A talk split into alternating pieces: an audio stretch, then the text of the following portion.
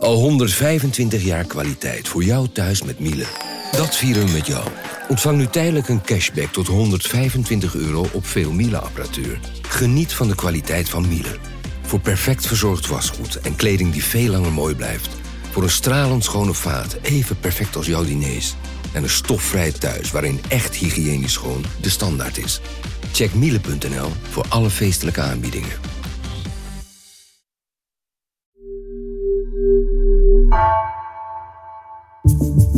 Vanaf de redactie van NRC het verhaal van vandaag. Mijn naam is Gabriella Ader.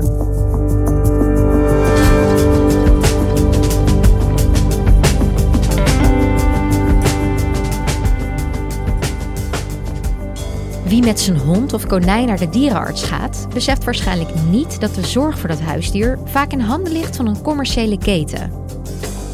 Winst lijkt er belangrijker dan het welzijn van je huisdier. Redacteur Stefan Vermeulen ziet hoe die winst vervolgens via allerlei slimme constructies in een belastingparadijs belandt.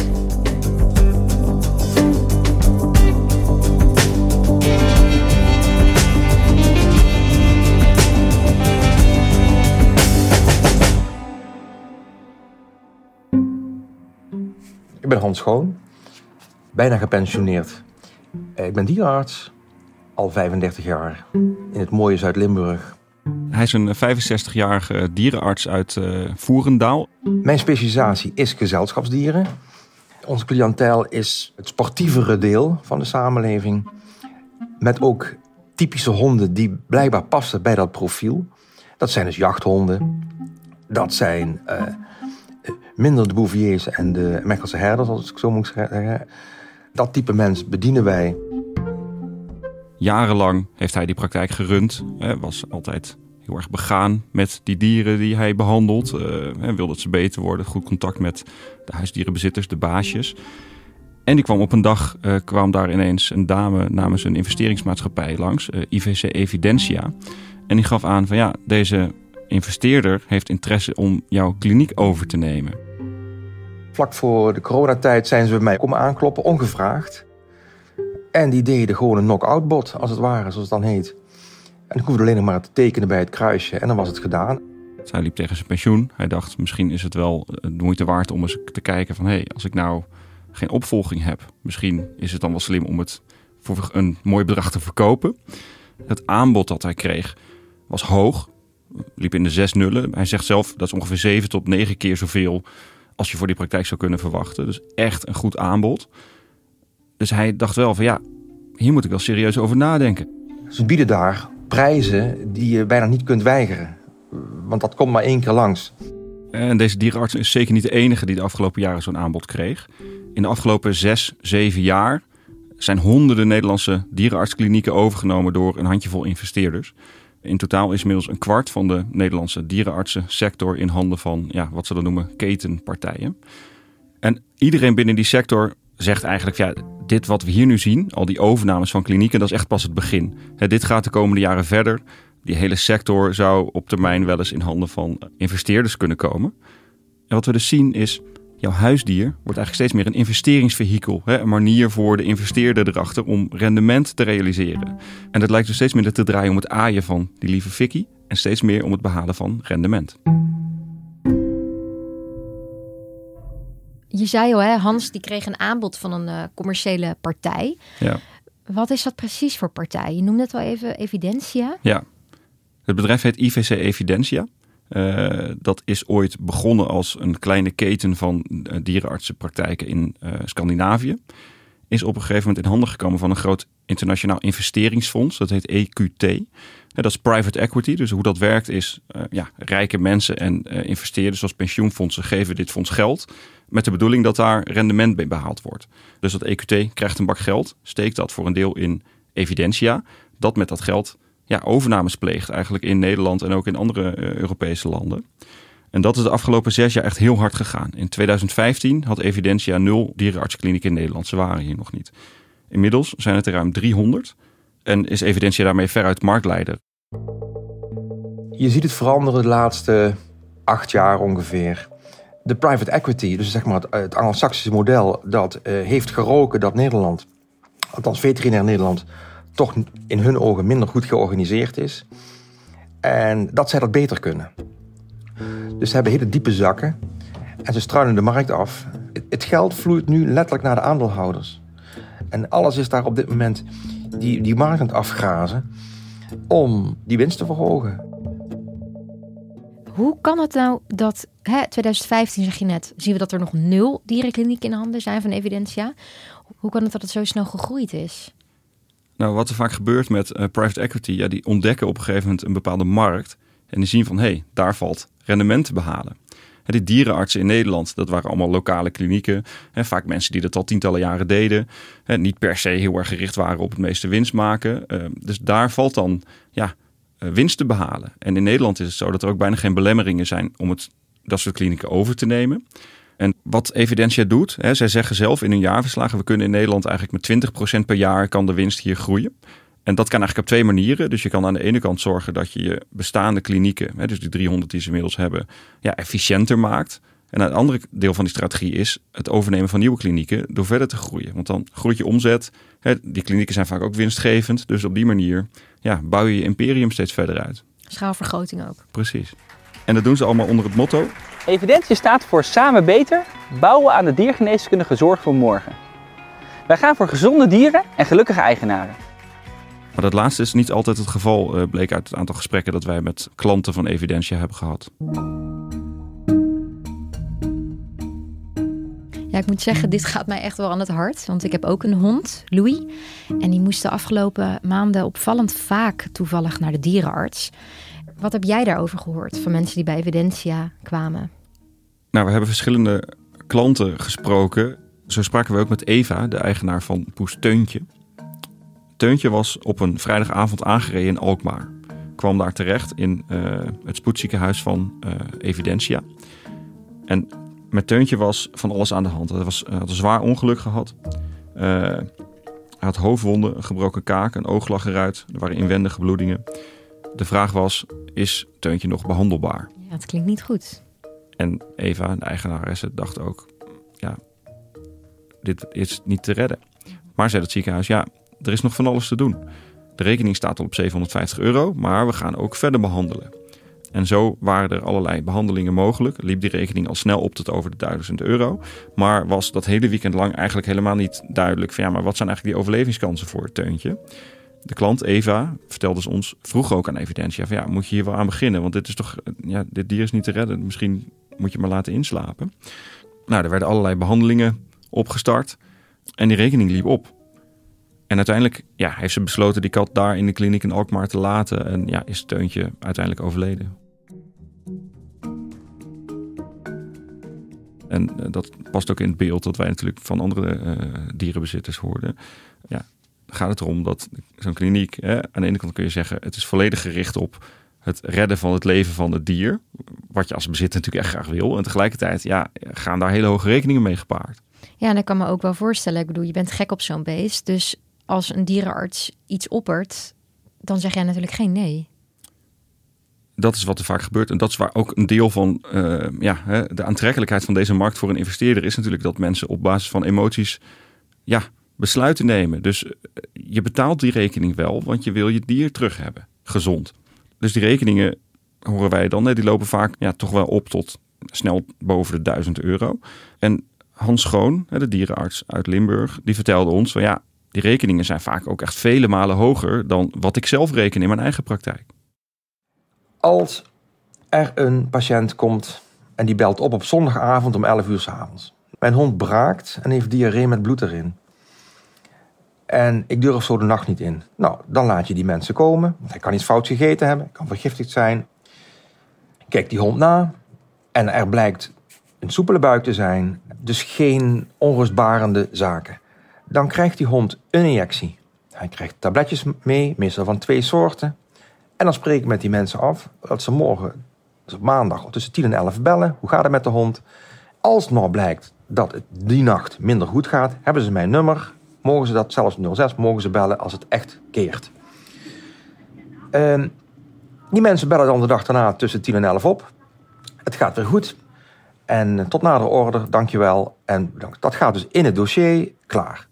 Het behandeltraject voor de hond met darmproblemen komt dan bij hem uiteindelijk uit op zo'n 140 euro. Nu komt diezelfde hond bij de private equity praktijk. Daar wordt ook onderzoek gedaan, daar wordt goed onderzoek gedaan. Alleen wordt erbij gezegd, nou, wij zijn niet helemaal zeker. We voelen toch wat gas in die buik. Het is verstandig dat we een röntgenfoto maken. En die mensen zeggen, dat is prima, want u bent de dokter. Die maken een röntgenfoto. Dan zeggen ze, ja, we kunnen ook nog bloedonderzoek doen. Dan wordt er bloedonderzoek gedaan. Ben je weer 80 euro verder. Ze zien in dat bloedonderzoek een verlaagd kalium of iets anders. Ja, toch uitgedroogd. We moeten een infuus geven. En dat houdt de facto in dat we ook een opname moeten regelen. Dan ga je dus een opname. Die hond wordt maandagochtend ook om 11 uur ontslagen.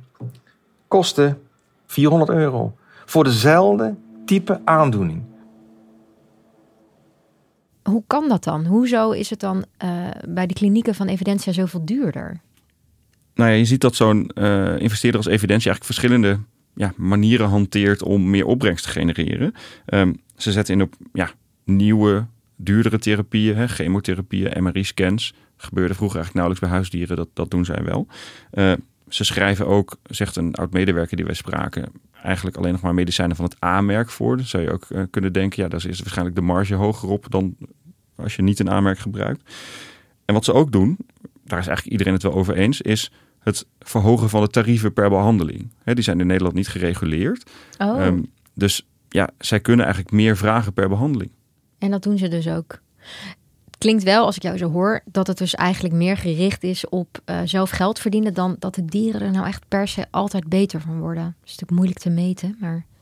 Nou, die oud-medewerker die wij spraken, die zegt inderdaad van, uh, en die zegt aan de ene kant is het wel professioneler geworden. Dus die dierenartsensector die zat misschien ook wel te wachten op wat meer professionaliteit. En je kunt ook gewoon meer bereiken als je hè, meer geavanceerde therapieën gebruikt. Maar die erkent ook van ja, de tarieven zijn ook gewoon flink omhoog gegaan hier. En dus lijkt het dat Evidentia hier eigenlijk bijna onbegrensd kan groeien. Uit hun eigen jaarverslagen halen we dat ze eigenlijk zelf erop rekenen dat het, ja, het resultaat dat zij in Nederland behalen elk jaar met bijna 20% kan groeien. Dat is echt een forse groei. En wat erbij helpt is dat ze ook ja, wat boekhoudkundige handigheidjes gebruiken. Uh, die bij private equity investeerders eigenlijk best gebruikelijk zijn. Ik noem het boekhoudkundige handigheidjes, maar ja, je kunt het ook wat simpeler omschrijven als belastingontwijking.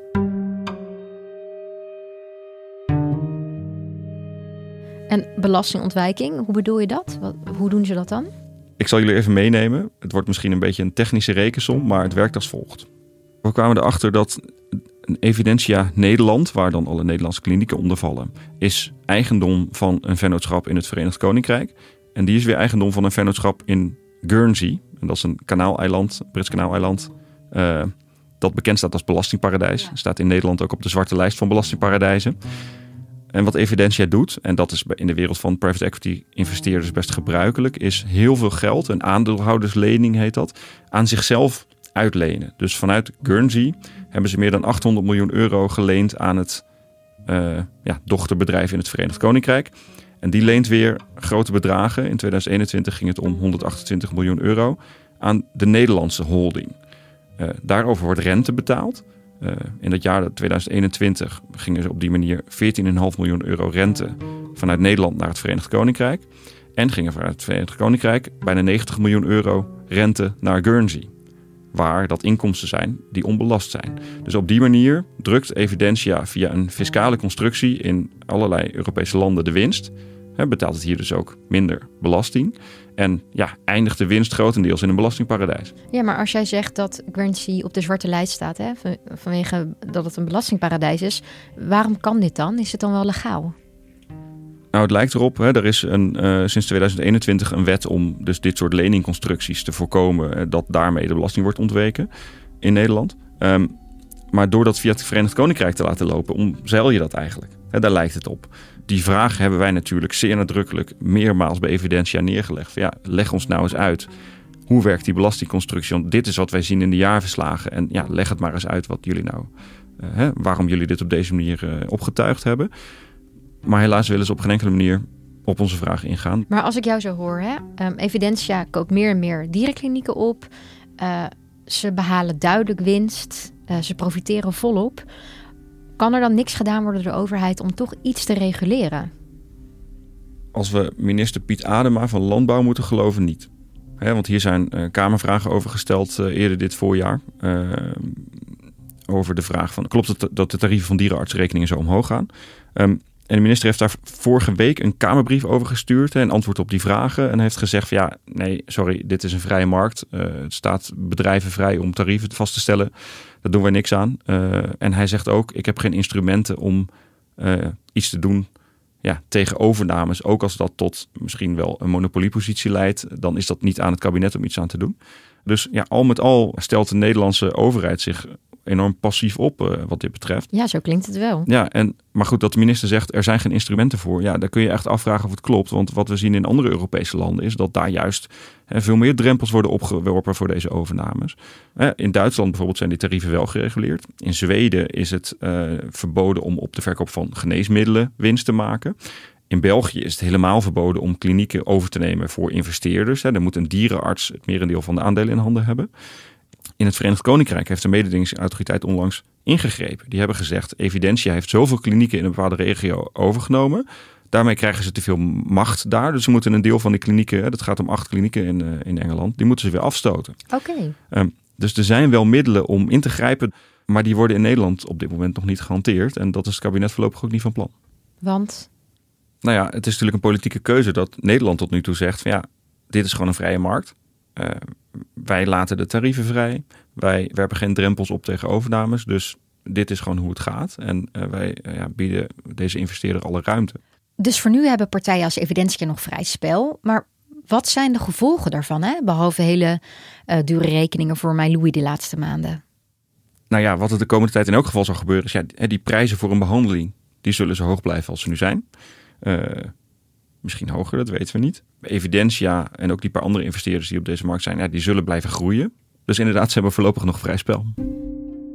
Ja, en uh, dan ben ik wel benieuwd. Wat heeft uiteindelijk uh, de dierenarts Hans Schone gedaan? Is hij op het aanbod van uh, Evidentia ingegaan? Nou, hij heeft daar heel serieus over nagedacht. Hij heeft ook financieel onderzoek gedaan van, nou, moet ik dit inderdaad doen? En hij heeft op het punt gestaan om te tekenen. Maar toen het bijna zover was, toen wilde de vriendin van zijn zoon met hem praten, die ook opgeleid was tot dierenarts. En ik had bijna getekend totdat op een enig moment de vriendin van onze tweede zoon, uh, Pieter, uh, dit hoorde. En die heeft een gesprek aangevraagd en heeft gezegd: Ja, Hans, je wil je praktijk verkopen, maar Pieter en ik willen ons in, in Limburg vestigen. Wij vinden het zo mooi. En op die manier besloot hij dus de zaak in familiehanden te houden. En inderdaad, ja, die zes nullen heeft hij laten schieten. Maar hij bleef wel, zoals hij dat zelf noemde, uit de handen van deze investeringscowboys. Ik ben ook achteraf heel blij dat ik het niet gedaan heb. Omdat we een goed leven hebben. Want het was hard uit de praktijk geweest. Dankjewel, Stefan. Graag gedaan.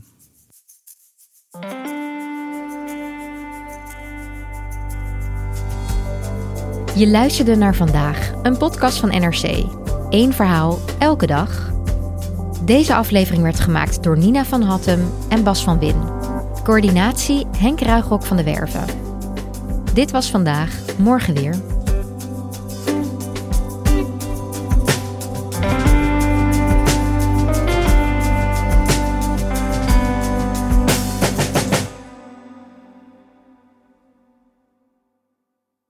Technologie lijkt tegenwoordig het antwoord op iedere uitdaging.